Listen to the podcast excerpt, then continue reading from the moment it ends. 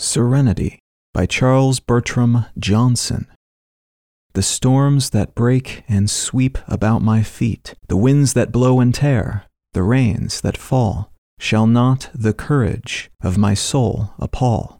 I shall be conqueror, though sore defeat o'erwhelm the outbound keels of all my fleet. Of dreams, though not one tattered sail, but all go down mid sea with heart serene, I'll greet the worst or best, the stronger for the squall. My soul is set amid the storms of life. The hurricanes of passion crash and break, and tides of heathen hate sweep o'er our land. But calm amid the flying ruins of strife, or in the leaping flames around the stake, with pierced hands, my faith serene, I stand. Serenity by Charles Bertram Johnson.